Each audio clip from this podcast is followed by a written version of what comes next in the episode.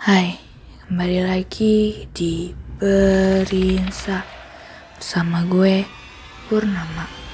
Sekarang gue yang bakal nemenin malam Jumat kalian Bersama cerita-cerita horor yang sudah disiapin sama tim Berinsa Di segmen horor kali ini Gue bakal ceritain cerita yang berjudul Santet Bring Sedapur Cerita ini gue ambil dari salah satu akun Instagram @kalong. Buat kalian yang gak berani dengar sendirian, jangan dengar sendirian ya. Alhamdulillah, doa ibu sudah didengar oleh Allah dan dia itu murid ibu yang tinggal di Kalimantan. Insya Allah akan datang untuk menangani masalah ini. Murid ibu Siapa? Tanyaku dengan rasa penasaran. Namanya Dirko. Jauh sebelum kamu lahir, dulu dia sudah belajar dengan ibu juga almarhum abahmu. Bagaimana ibu bisa tahu kalau itu memang benar-benar dia, Bu? Aku masih belum berhenti penasaran mengenai sosok laki-laki ini. Kalung itu, dia dapat saat tirakat dalam bimbingan ibu. Ucapnya memungkasi obrolan, dan aku hanya terdiam mendengar penjelasan ibu. Pagi harinya, aku pergi ke pasar tradisional mengantar ibu dan juga Bularas untuk membeli beberapa barang yang diperlukan sebagai sarana keperluan yang ibu butuhkan. Klinik harus ditumpas dengan ilmu serupa. Hanya perbedaannya, kami cukup membalikan tenung juga mantra hitam yang mereka kirim. Namun juga ada beberapa barang kebutuhan yang tidak dijual di sini seperti daun awar-awar, akan akar bidara, lembek putih, dan lainnya. Semua yang berasal dari tumbuhan harus dicari dalam hutan atau meminta kepada yang memiliki semua itu. Al, coba kamu cari mana di sini yang jual minyak misik. Tetapi Ibu butuhnya minyak apel jin yang murni. Di mana, di mana ya Bu mencarinya? Al, mana tahu daerah sini? Aku menjawab. Ibu diam, tidak menjawab. Tetapi sorot mata itu mengharuskan pergi tanpa mau mendengar kata bantahan dari anaknya. Melihat itu, aku mengelilingi area pasar mencari yang dibutuhkan. Tetapi aku tak menemukannya. Aku memutuskan bertanya kepada toko-toko yang menjual parfum atau minyak wangi. Mereka hanya menjual minyak ya Varon saja. Tidak ada yang menjual minyak yang ibu mau. Akhirnya menjelang sore hari, aku baru tiba di rumah tanpa hasil yang beliau mau. Sekarang kamu jemput Dirgo di terminal sama Mas Wahyu. Dia sudah sampai dan menunggu di sana. Suruh ibu kembali. Iya bu, jawabku. Aku langsung berpamitan dan menyalaminya. Semua orang terlihat sibuk. Tidak ada waktu untuk santai. Semua sibuk mempersiapkan segala hal Bahkan Pak Samsi sendiri pun sedari pagi sudah keluar mencari beberapa bahan. Namun hal yang membuat lega adalah dengan datangnya salah seorang murid dari ibu yang berasal dari Kalimantan. Seandainya dinalar, hal ini terasa sangat tidak masuk akal. Tidak mungkin dalam waktu sehari Perjalanan laki-laki itu sudah tiba di sini. Setelah menjemputnya di terminal dan kembali pulang ke rumah Bularasati, aku membiarkan ibu Bularas dan laki-laki itu berdiskusi membicarakan semua peristiwa ini. Aku yang tidak paham hanya duduk diam menunggu apa yang akan nanti mereka perintahkan. Aku, ibu, Dirgo, Bularasati, dan suaminya malam ini mendatangi rumah yang sangat mewah itu. Rumah yang besar bak istana ini adalah sumber semua malapetaka yang terjadi. Rumah itu terlihat sepi, hanya terlihat satu orang penjaga. Dengan adanya bolo sewu dan banyaknya denowo jin berbagai rupa menyeramkan itu, membuat semua terlihat singgup, lebih menyeramkan daripada kuburan atau tempat angker.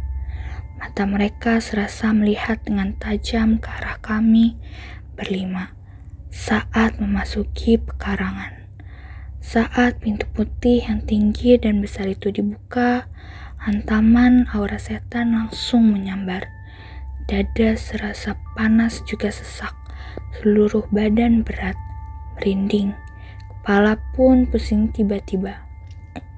Uluk salam juga tameng gaib sudah dirapal untuk perlindungan kami semua. Bau pengap dari rumah sebesar ini tercium, bagai masuk ke dalam sebuah gua tanpa adanya sirkulasi udara. Jin, setan, mewujud berseliweran menunjukkan rupa mereka yang aneh. Bahkan banyak juga yang merayap di dinding. Dari atas ke bawah, mengapung kami semua saat ini. Sambutan mereka sungguh membuat diriku merinding, terlebih menyaksikan bentuk-bentuk yang menjijikan dan menyeramkan itu. Bunga ini tolong sebarkan di depan rumah Al. Ibu memberikan plastik yang berisikan bunga mawar dua warna sudah dicampur dengan minyak. Aku menerima bungkusan itu dan kembali ke jalan keluar rumah bagai sebuah daya tarik dengan membawa bunga ini. Semua lelembut dalam dengan berbagai bentuk itu berjalan mengikuti langkahku. Suara berisik mereka mengomelkan kata-kata yang tidak jelas terdengar. Ketika aku tebarkan kelopak-kelopak mawar itu, semua seakan seperti anak ayam yang berebut makanan, melahap bunga-bunga itu. Lap, lap, lap. Tanpa jarak waktu lama, semua sosok itu langsung sirna. Setiap selesai memasukkan bunga mawar itu ke dalam mulut mereka, tiba-tiba saja satu persatu dedemit itu menghilang entah ke mana. Mungkin mereka lebur, mati, ataupun dikembalikan ke alam astral. Bisa juga dikembalikan ke sang pengirim. Sama sekali aku tidak tahu. Semua makhluk yang terlihat tadi di hadapanku kini telah hilang, lenyap tanpa bekas, hanya menyisikan bunga berwarna merah dan putih yang berserakan di tanah. Walaupun puluhan setan itu sudah menghilang, tetapi masih banyak lagi jin berwujud menakutkan yang bertengkar di seluruh rumah.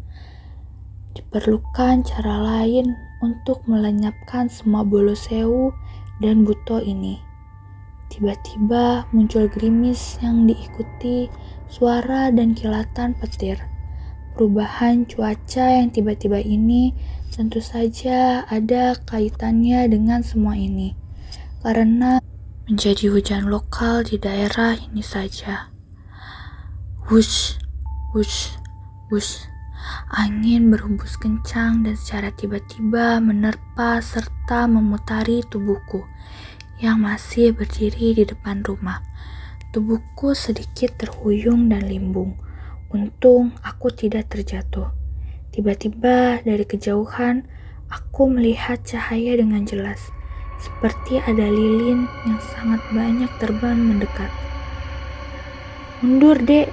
Itu kiriman santet teriak Dirgo. Kemudian dia kembali berjalan di luasnya halaman, berdiri di bawah rintikan gerimis yang disertai hembusan angin.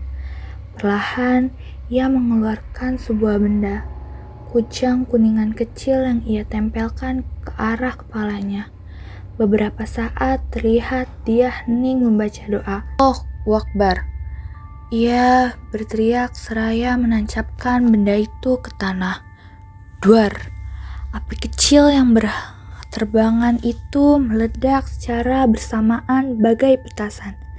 Serpihan api berjatuhan, lenyap sebelum menyentuh tanah. Santet itu tertangkal oleh kekuatan yang dimiliki laki-laki ini namun, angin berhembus semakin kencang dan gerimis juga mendadak berhenti dengan sendirinya. Murid dari buku itu masih berdiri dengan kepala mengadah ke atas langit. Rupanya belum selesai dirinya mampu menghalangi berbagai santet yang akan dikirim kembali. Tiba-tiba muncul sosok genderuwo besar dengan tatapan mata merah berjalan mendekati Dirgo yang tidak bergeming sama sekali. Aku coba mendekatinya untuk memberitahukan kedatangan barisan setan hitam berbulu itu, tetapi terlebih dahulu tangannya terangkat dan memberi tanda peringatan padaku untuk tetap diam di tempat tanpa mendekat padanya. Tanpa tedeng, aling-aling, anamung iman kang dumati temenging jiwa raga nembah marang kasuyutan bilih sawaji pangeran ta'ala kang anggadahi piwala suga menolong menungso al-zikra suasana malam ini tidak hanya mencekam tetapi juga menegang. Tampak laki-laki itu menggeram dan merunduk bagai harimau. Kini beberapa kali jemarinya yang berkuku panjang mencakar-cakar tanah yang ditumbuhi rerumputan, sehingga semua persikan tanah yang berumput terlempar ke udara. Para genderuwo yang berbadan kekar itu juga sama, tak mau kalah untuk menunjukkan kegarangan wajahnya. Terlihat sangat menyeramkan dengan taring panjangnya. Makhluk-makhluk itu kemudian mengelilingi Dirgo, mengepung dan siap menyerang. Mata mereka tajam memerah, memerah, tangan berkuku panjang. Menggapai, menggapai-gapai, udara siap menyerang. Dirgo terlihat agresif. Ia mengambil posisi siap siaga, menerima serangan. Tak terbesit sedikit pun rasa takut diraut wajahnya. Ia tetap tenang, walau berada di dalam kepungan sosok berbulu lebat itu siap menghadapi pertarungan yang terlihat sama sekali tidak seimbang. Saat aku fokus melihat Dirgo yang sedang terkepung, tiba-tiba terdengar teriakan yang memekikkan telinga yang berasal dari dalam rumah. Teriakan Pak Samsi. Ah! Aku berpaling, menoleh ke arah arah rumah, sumber asal suara. Teriakan Pak Samsi menandakan sesuatu sedang terjadi di dalam rumah. Aku berda berlari masuk ke dalam untuk memastikan apa yang sedang terjadi. Meninggalkan Dirko bertarung dengan kawanan astral seorang diri. Saat aku masuk ke dalam rumah, aku menyaksikan di ruangan ini sedang terjadi interaksi. Energi yang memancar sangat kuat Aku berjalan ke belakang ibu, dan pukulan itu sangat terasa ketika aku sudah berdiri di belakang ibu yang tengah berdiri. Ia menatap tajam ke depan, ke arah satu sosok berjubah hitam. Namun hanya lengkungan bayangan saja yang dapat terlihat karena terhalang oleh kekuatan yang terus keluar dari makhluk itu. Pak Samsi dan Bularas mencoba bertahan menghadapi serangan yang menghantam mereka. Makhluk itu terus saja secara membabi buta menyerang mereka berdua. Hoeks! Akhirnya kedua orang itu tersungkur dan memutahkan sesuatu yang tidak bisa mereka tahan lagi. Hitungan menit, Bularas jatuh terkulai tak sadarkan diri. Sementara suaminya masih mencoba untuk melawan, dan kini hanya merunduk tersujud, menekankan dadanya sendiri yang terasa panas terbakar. Pak, jangan dilawan. Kekuatan ini sangat besar. Justru Bapak akan kuat kewalahan sendiri jika terus berusaha melawannya. Ujarku ketika berusaha merangkulnya untuk berdiri. To, to, tolong istri saya, Mas. Suaranya terdengar terbata-bata dan nafas yang tersenggal-senggal. Tangannya masih gemetar saat dia menunjuk istrinya yang tergeletak tak berdaya di lantai.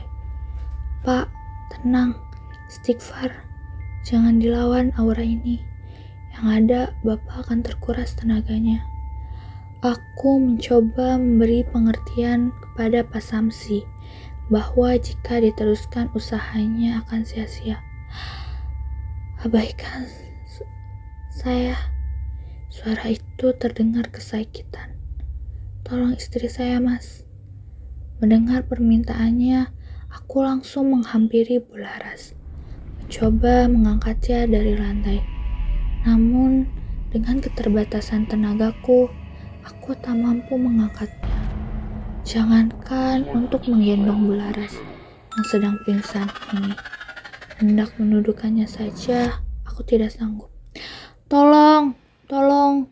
Akhirnya, Aku menarik kedua tangannya, menyeret sebisanya keluar dari ruangan ini, sambil teriak meminta pertolongan. Tampak patua penjaga rumah lari tergopoh-gopoh menghampiri kami. Mas, kenapa mas? Ada apa dengan Bularas? Tampak raut kepanikan muncul wajah tuanya. Sudah nanti saja bertanyanya pak, Bantu saya mengangkat belaras, teriakku serayam menyadarkan lelaki tua itu yang masih berdiri tertegun keheranan. Mendengar permintaanku, dia langsung mengangkat bagian kaki. Kami gotong belaras secara tidak wajar, bagai mengangkat mayat. Tenaga kami terkuras untuk memindahkannya. Akhirnya, dengan susah payah, kami berhasil membawanya ke depan teras, lalu membaringkan tubuhnya di kursi panjang. A. Baru saja selesai meletakkan tubuh Belaras, saat berdiri dan ingin menarik nafas, suara kesakitan kembali terdengar. Pak Samsi terdengar memekik dengan sangat keras. Bapak, tunggu Ibu Laras saja. Tanpa menunggu jawabannya, Cepat kilat aku berlari masuk ke dalam rumah. Saat di dalam rumah, kulihat Pak Samsi tengah berguling-guling kesakitan. Darah sudah keluar dari hidung dan mulutnya.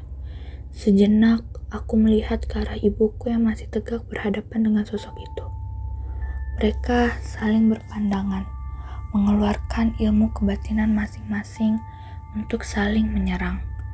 Perang sukma ibu yang meninggalkan raganya menjadi benturan dan terus menciptakan kekuatan yang beradu antara keduanya.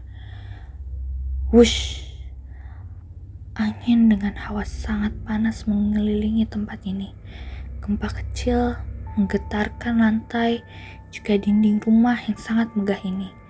Setiap kali angin itu menerpaku, tubuhku mundur selangkah hampir saja.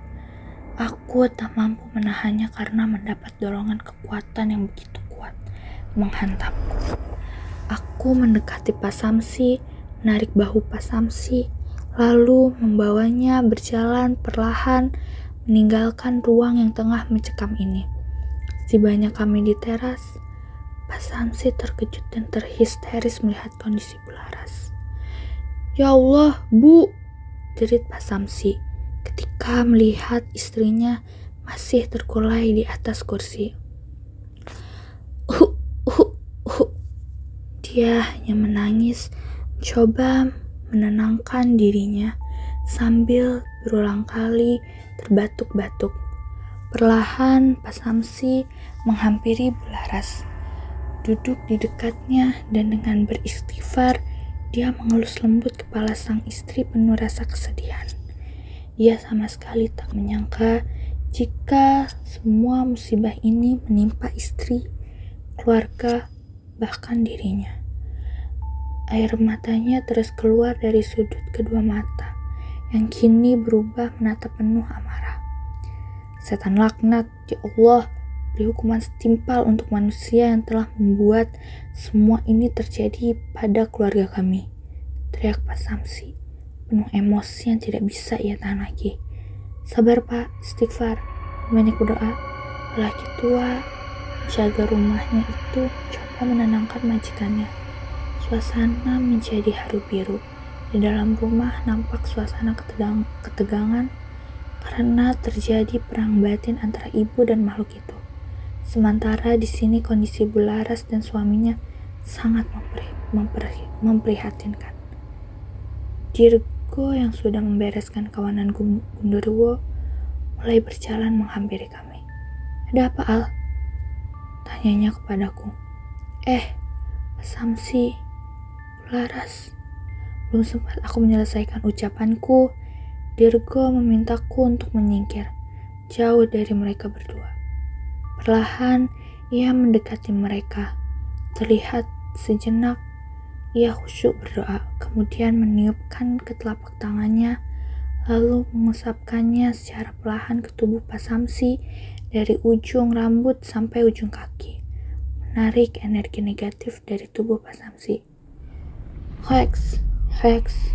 Setelah mendapat usapan tangan Dirko ke tubuhnya, Samsi memuntahkan seluruh isi perut yang hanya tinggal cairan kuning kemerahan. Kasih beliau minum, suruhnya pada kami berdua. Dengan cekatan, patwa itu berlari menuju dapur, mengambilkan air untuk Pak Samsi. Tak, seberapa lama juga terlihat ibuku keluar Beliau batuk-batuk kecil, kemudian mendekati Bularas yang belum siuman. Ibu duduk di samping Bularas dan memeganginya. Tidak begitu lama kemudian, dia bangkit berdiri lagi, lalu mengarahkan tunjuknya ke atas, menunjuk ke arah langit. Kini yang datang semakin banyak, kata ibuku. Serempak kami mengarahkan pandangan kami mengikuti di mana jari orang tuaku itu terata tampak di atas sebuah api masa terbang mendekat. Bulu saya dikirim lagi, Dirgo. Dengan rahang yang dia eratkan, mendadak emosinya kini hadir kembali. Ini tidak akan pernah selesai jika empu pengirim tenungnya tidak diatasi. Sebaiknya kita mundur dulu untuk keamanan Bularas juga suaminya. Ibu berteriak sambil memperingatkan murid, muridnya. Jadi bagaimana sekarang bu? Tanyaku. Bawa pulang dulu mbak Laras. Kalian angkat ke mobil. Segera tinggalkan tempat ini. Seru dan menegangkan gak? Meskipun dalam pertempuran kami sudah banyak yang dimusnahkan, tapi sang dukun itu terus mendatangkan pasukan gaibnya dengan jumlah yang sangat banyak. Tentu pertarungan dengan keilmuan seperti ini akan membahayakan manusia awam. Seperti diriku juga keluarga Bularas yang tidak tahu atau paham dengan hal klinik juga gaib. Pagi itu semua masih dalam kesibukannya. Ibu masih mengobati Bularas dan Pak Samsi dibantu Dirgo. Sementara Aku mencoba menceritakan semua kejadian ini kepada kedua anaknya. Tadi juga Wahyu. Yang tadi juga Wahyu yang mendengar semua ceritaku berkali-kali terlihat ketakutan dan mengusap tengkuk jugatan mereka saat merasa merinding terhadap peristiwa yang dihadirkan oleh sosok-sosok dalam cerita. Nafas mereka juga terdengar mulai berat menandakan bisa dapat merasakan tentang tekanan energi astral itu, meski hanya sebuah gambaran ceritaku saja. Memang ada ya Mas Al. Manusia sekecil itu hidup berdarah dingin, membunuh sama manusia dengan ilmu yang dia miliki. Tari mengajukan pertanyaan padaku. Itu hanya orang-orang yang berlaku sekecil itu selain dibutakan oleh dunia oleh duniawi mereka juga memiliki misi dengan pertarungan gaib. Itu adalah sebuah pembuktian. Semakin semakin sakti ilmu kanuragan kebatinannya, maka akan naik juga pamor dirinya di dunia hitam perdukunan. Aku mencoba menjelaskan perihal dunia kelam para penganut ilmu sesat. Kenapa Allah tidak memberikan hukuman bagi, man bagi manusia-manusia seperti itu, Mas Al? Tanya Wahyu melanjutkan pertanyaan sang adik. Azab itu dua hal yang dikendaki Allah. Mas Wahyu, ada yang diturunkan langsung di dunia sebagai bentuk contoh manusia terburuk selama hidup. Itu sudah banyak kita dapati dan mendengar dari zaman nabi-nabi terdahulu sampai saat kini. Lalu yang kedua apa mas? Yang kedua, azab sudah mati. Menerima balasan dalam liang kubur sampai hari akhir kebangkitan. Di akhirat, kelak dera itu abadi tanpa pernah berakhir. Nauzubillah. Dalam ilmu santet yang menyerang keluarga ini, peperangan ini baru awal. Bukan akan mulai meski dua orang sudah meninggal dan imbas ganasnya ilmu santet ini. Kini dirasa oleh Bularas juga Pak Samsi sangat mengerikan demi ambisinya manusia memutuskan bersekutu dengan setan, menandakan ia buta mata hati juga hilangnya nurani kemanusiaan. Gelap akan ketamakan, hingga nyawa menjadi mainan dan suatu tanda kemenangan. Duar, tiba-tiba terdengar bunyi menggelegar dari atas rumah. Kembali tenung itu menghantam keberadaan kami semua. Rasa kaget tanpa terelakkan pada kami bertiga yang tengah membicarakan keilmuan di, itu di ruang tamu. Hidup di dunia yang menanam. Alam akhirat di sana masa menap, memanen. Tanam kebijakan akan tumbuh sebuah kemenangan. Jika menahan kebatilan, hanya celaka yang akan dituai. Al-Zikra. Saat ini, ketika muncul kepanikan di ruang tamu, tempat kami berada saat mendengar dentuman suara yang mengagetkan itu. Gelegar suara itu sangat terdengar, membuat kami yang tadinya asyik bercerita seketia, seketika diam dan refleks menutup mulut masing-masing. Dalam suasana hening, kami berkutak dalam pikiran masing-masing, berusaha memahami dan menyimak apa yang sebenarnya terjadi. Tiba-tiba nampak ibu berjalan keluar dari kamar untuk mengecek keadaan kami bertiga. Saat beliau melekat menatap tajam ke arah diriku. Aku berusaha untuk menggapai udara sebanyak-banyaknya. Kuhirup dan kulepaskan. Nafasku terasa amat sesak. Suhu tubuhku meningkat. Tubuh terasa panas dan kepala terasa pusing.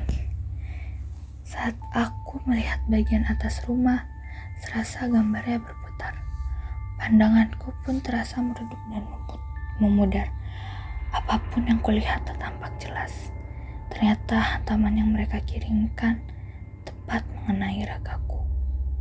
Aku yang tanpa tameng tameng kesiapan untuk melawannya, kini justru yang terkena. Menjadi sasaran ilmu setan itu. Semakin lama, aku merasa fisikku semakin lemah. Al, Al, suara ibu terdengar, meski tidak begitu jelas lagi. Ah, aku hanya bisa menjadi teliri, menahan rasa sakit. Yang luar biasa, sakit perut yang kuderita terasa sampai ke dada. Rasanya tak karuan, panas, didih. Aku hanya mencoba menarik nafas sebisaku, melawan semampu, semampuku. Lex, aku menutup mulutku saat tiba-tiba merasa ingin muntah. Rasa mual ini semakin kuat. Ususku bagai dipelintir. Gambaran rasa sakit yang kurasa saat ini tidak bisa tertuliskan. Sampai akhirnya tiba-tiba terasa sebuah tenaga mengalir bagai angin yang cukup kuat dari punggungku, menjalar perlahan dari dalam perutku, terus naik, naik, dan naik sampai ke titik rasa sakit yang kurasakan. Lex, rasa mual yang begitu hebat kembali menyerangku. Kali ini aku tak bisa lagi menahannya. Semakin kuat aku menutup mulutku dengan tanganku, semakin perutku bergejolak menuntut agar semuanya memuntahkan isinya. Lex Bur. Seketika tanganku terlepas dari mulutku. Darah segar disertai dengan benda aneh menyembur keluar dari mulutku. Setelah dilihat dengan seksama, ternyata benda itu merupakan remukan tulang belulang sangat kecil dan tajam. Aku muntah berulang kali sampai yang tersisi tersisa yang keluar dari perutku hanya cairan air berwarna kuning. Hal ini membuat kondisiku lemah dan akhirnya dalam kondisi lunglai tanpa daya. Mataku terpejam tanpa bisa mengingat apa pun lagi. Pagi itu kesadaranku mulai pulih. Perlahan aku membuka mataku masih terasa berat dari pandanganku belum terlihat jelas. Sayup-sayup aku mendengar suara yang ramai di rumah ini. Aku ternyata dari aku ternyata terbangun di hari kedua setelah kejadian itu. Bertepatan di mana hari itu Pak Samsi meninggal dunia. Pemakaman sudah dilaksanakan pagi tadi. Otomatis ini membuat Kedukaan yang mendalam bagi Bularas dan kedua anaknya bertambah. Semakin lama, suara riuh warga masih terdengar. Saat aku benar-benar membuka mata, aku menjumpai wajah ibu tepat di hadapanku. Minum ini Al. Ibu menyodorkan menyodorkan segelas air dengan campuran bunga melati. Aroma air itu tercium wangi misik. Rasanya sangat pahit tapi aku berusaha meminumnya dan menghabiskannya. Perlahan, aku menekuk air yang diberikan ibuku terasa reda panas dan di perut dan di dadaku perlahan mulai mereda. Namun, walaupun demikian, rasa sakit yang menyerangku masih sangat terasa. Perih luka di pangkal tenggorokan sampai langit-langit mulut ini karena benda berupa tulang-tulang yang tajam itu. Badanku masih serasa lemas. Tenagaku benar-benar terkuras habis. Samsi meninggal subuh tadi. Kamu mikir apa sampai bisa terkena sasaran teluh itu? Ibuku bertanya padaku seraya menjelaskan jika suami Bu Laras sudah berpulang. Aku hanya terasa iba saja melihat keluarga ini, Bu. Aku merasa tidak tega menyaksikan peristiwa yang dialami oleh Bularas juga Pak Samsi. Ditambah lagi kondisi anak-anaknya juga terlihat sangat ketakutan. Jawabku seraya terus menahan sakit. Ibu sudah bilang, jika jangan mengasihani semua semua ini, tragis apa pun itu. Apa kamu tidak ingat orang yang waktu itu terkena sasaran teluh? Hal ini terjadi karena ia ibu melihat mertua Mbak Laras meninggal. Kamu kan tahu pantangan dari ilmu ini. Kita dilarang ibu, iba dan berulas asih, le. Ucap ibu berusaha mengingatkanku dengan nada suara yang sedikit keras. Gih, bu. Maaf aku sudah terlarut dengan rasa iba sampai lupa dengan pantangan itu. Aku berusaha tersenyum dan mengangguk pertanda bahwa aku mengerti. Tidak beberapa lama kemudian, beliau berpamitan keluar untuk menenangkan semua orang, terutama keluarga mendiang. Temannya yang saat ini sangat butuh dukungan beliau. Sementara itu, aku hanya tergeletak lemah, tanpa bisa bangkit. Terasa aku bagaikan lumpuh, tak bisa bergerak. Aku hanya bisa bernafas dan berdoa hanya itu yang bisa aku lakukan saat ini. Tak terasa, dua hari telah berlalu tanpa bisa melihat apa yang telah terjadi. Saat, saat ketika tersadar, ternyata korban sudah bertambah lagi. Bertambah lagi, pagar gaib yang sudah dibuat sebelumnya bisa ditempuh, bisa ditembus oleh gempuran setan-setan kiriman dukun itu. Peperangan yang sangat mengerikan ini belum mencapai akhir. Situasi dan kondisi yang terjadi menimbulkan rasa takut ketika menyadari bahwa diriku pun tak punya daya untuk membantu ilmu hitam yang sakti. Krek Tiba-tiba pintu kamar terbuka. Ketika aku membuka mata, terdengar langkah seseorang yang berjalan mendekatiku.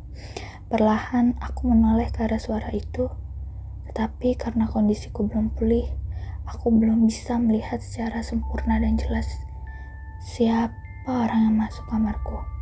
Jarak dipan dengan pintu sebenarnya tidak terlalu jauh, tetapi penglihatanku masih samar-samar menyebabkan aku tak mengenalinya. Bayangan itu terus mendekat dan perlahan mulai jelas. Sosok nenek tua berkulit keriput datang menghampiriku. Tatapannya terasa tajam walaupun hampir separuh matanya tertutup oleh kantung mata yang mengatup. Basareh, aku terkejut, aku terkejut melihat sosok beliau kembali.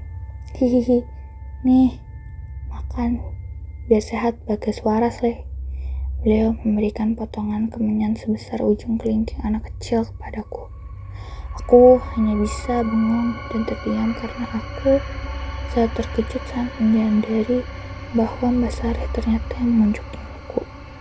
Perlahan aku membuka mulutku, lalu Mbak Sari memasukkan benda tersebut. Benda itu sangat mudah masuk tanpa perlu ketelan. Tiba-tiba badanku terasa sangat dingin. Beliau sapelan dari dahiku dan dahiku yang membasuh membasah karena keringat. Rasa kantuk yang hebat tiba-tiba menyerangku. Sebelum mataku benar-benar kembali terpejam. Samar-samar aku melihat sebuah senyuman yang tulus. Mbak aku bergumam lirih dan tertidur lagi sampai semua tak terlihat lagi setelah bertahun-tahun lamanya semenjak pertemuan aku dan Nyai Sembrani di Bukit Sem Sempokruk, kini beliau hadir dengan wujud yang sama persis sebagai Mbak Sareh. Sosok itu tetap mancing padaku. Silaturahmi di antara kami ternyata tidak putus. Setelah sekian lama aku tertidur, akhirnya aku terbangun. Namun saat terbangun seperti ada yang lain di tubuhku. Aku merasa sudah sehat. Tenagaku sudah kembali pulih. Bahkan terasa sah, seakan tidak pernah terjadi apa-apa sebelumnya. Setelah aku raba dengan lidahku, ternyata luka di langit-langit mulutku juga menghilang. Aku langsung bisa berdiri tegak, berjalan keluar kamar dan menemuinya yang lain yang tengah bertahlilan di ruang tamu. Semua mata tertuju melihat ke arahku. Ibuku merasa Heran ketika melihatku berjalan menghampirinya. Senyum hangat beliau terlihat menenangkan. Seakan memaknai jika dirinya sudah paham yang tengah terjadi denganku. Hanya saja saat kuarahkan pandanganku ke arah keluarga Bularas, laut wajah-wajah kesedihan itu masih terlihat jelas pada mereka yang ditinggalkan oleh Pak Samsi. Saat aku melihat Bularas, ada utai senyum terpaksa muncul di sudut bibirku. Gimana Le? Sudah baikan? Ibu bertanya ketika aku sudah duduk di samping beliau. Alhamdulillah, Bu. Saya sekali sekarang. Itu kodam yang datang memberikan obat buat kamu. Jangan lupa berterima kasih pada beliau. Sudah lama menjaga kamu selama ini. Ujar ibu menjelaskan. Aku terdiam mendengar perkataan ibuku. Aku hanya merasa heran mendengar semua jawaban. Ibu, ternyata aku baru sadar bahwa begitu banyak penjaga diri ini tanpa terasa dan terlihat oleh mata. Mereka yang dahulu pernah hadir dalam perjalanan kehidupanku ternyata selama ini menjagaku bagai bayi yang terus mereka asuh di mana pun berada. Aku juga masih belum paham bagaimana cara berterima kasih kepada para penjaga itu. Seperti yang dimintai oleh ibuku, aku bergabung dengan warga. Ikut membacakan doa agar arwah mendiang almarhum Pak Samsi. Setelah Isya, para warga berpamitan untuk kembali ke rumah mereka masing-masing. Setelah itu, aku ikut ke dalam. Duduk untuk ikut berkompromi. Akhirnya, kesepakatan diambil bahwa Bularas dan anak-anaknya untuk sementara harus pindah dari rumah ini sampai semua kembali membaik dan normal. Hal ini dilakukan karena sudah saatnya segala santet ini harus segera diakhiri. Sampai akhirnya pembicaraan kami menemui mufakat jika besok pagi semua harus meninggalkan rumah ini meski mereka masih dalam keadaan berkabung. Duka Duka itu tentu menjadi rasa yang sangat berat bagi untuk mereka. Tanah kuburan masih basah, harus ditinggalkan demi menghindari datangnya maut. Keluarga Busanti, adik kandung dari almarhum Pak Samsi, mau menampung mereka. Meski sanak saudara yang lain justru menolak takut kena imbas dari ilmu santet sesat ini. Lima bersaudara, Pak Samsi merupakan anak paling tua dari keempat adiknya. Santi adik paling kecil yang sudah berkeluarga, terketuk hatinya merasa iba melihat kakak ipar dan anak-anaknya terkatung-katung larut dalam duka yang hi juga hidup dengan merangkul ketakutan oleh kematian yang kapan pun dapat menghampiri mereka kembali. Mbak, nah, yakin tidak mau ikut kami. Mbak, kata Bularas pada ibu. Doakan saja Mbak Laras, kalau saya ikut mendampingi Mbak di sana, semua masalah ini tak akan pernah selesai. Ucap ibuku pada sahabatnya. Semoga semua dalam lindungan Allah ya Mbak Nah. Saya dan anak-anak tidak tahu harus bagaimana lagi berterima kasih untuk semua ini. Bularas berucap sambil memeluk ibuku. Ibuku hanya memeluk menguatkan sahabatnya ini itu. Kamu harus kuat dengan semua ini, Mbak. Kita sama-sama berdoa ya. Semoga ini segera selesai dan membaik. Bismillah saja, Mbak. Keesokan harinya mereka pergi menuju kediaman adik kiparnya. Sementara itu, Ambil bertiga masih di sini dengan segudang misteri yang akan dihadapi nantinya. Seraya kembali mempersiapkan diri iman untuk kembali menghadapi dukun dengan seribu jin kirimannya. Sematkan dalam diri, jika dengan keyakinan maka akan didapati kemenangan. Halangan itu tidak akan usai tanpa berani menghadapi, melangkah meski mati di jalan yang menjadi ketentuan kebenaran. Oke, segitu aja cerita yang gue bacain. Penasaran sama cerita selanjutnya? Jangan lupa buat dengerin Berinsa terus ya kalau ada cerita horor, romance, atau random lainnya kalian bisa DM di Instagram kita at osissmkbw2 sampai bertemu di segmen horor selanjutnya see you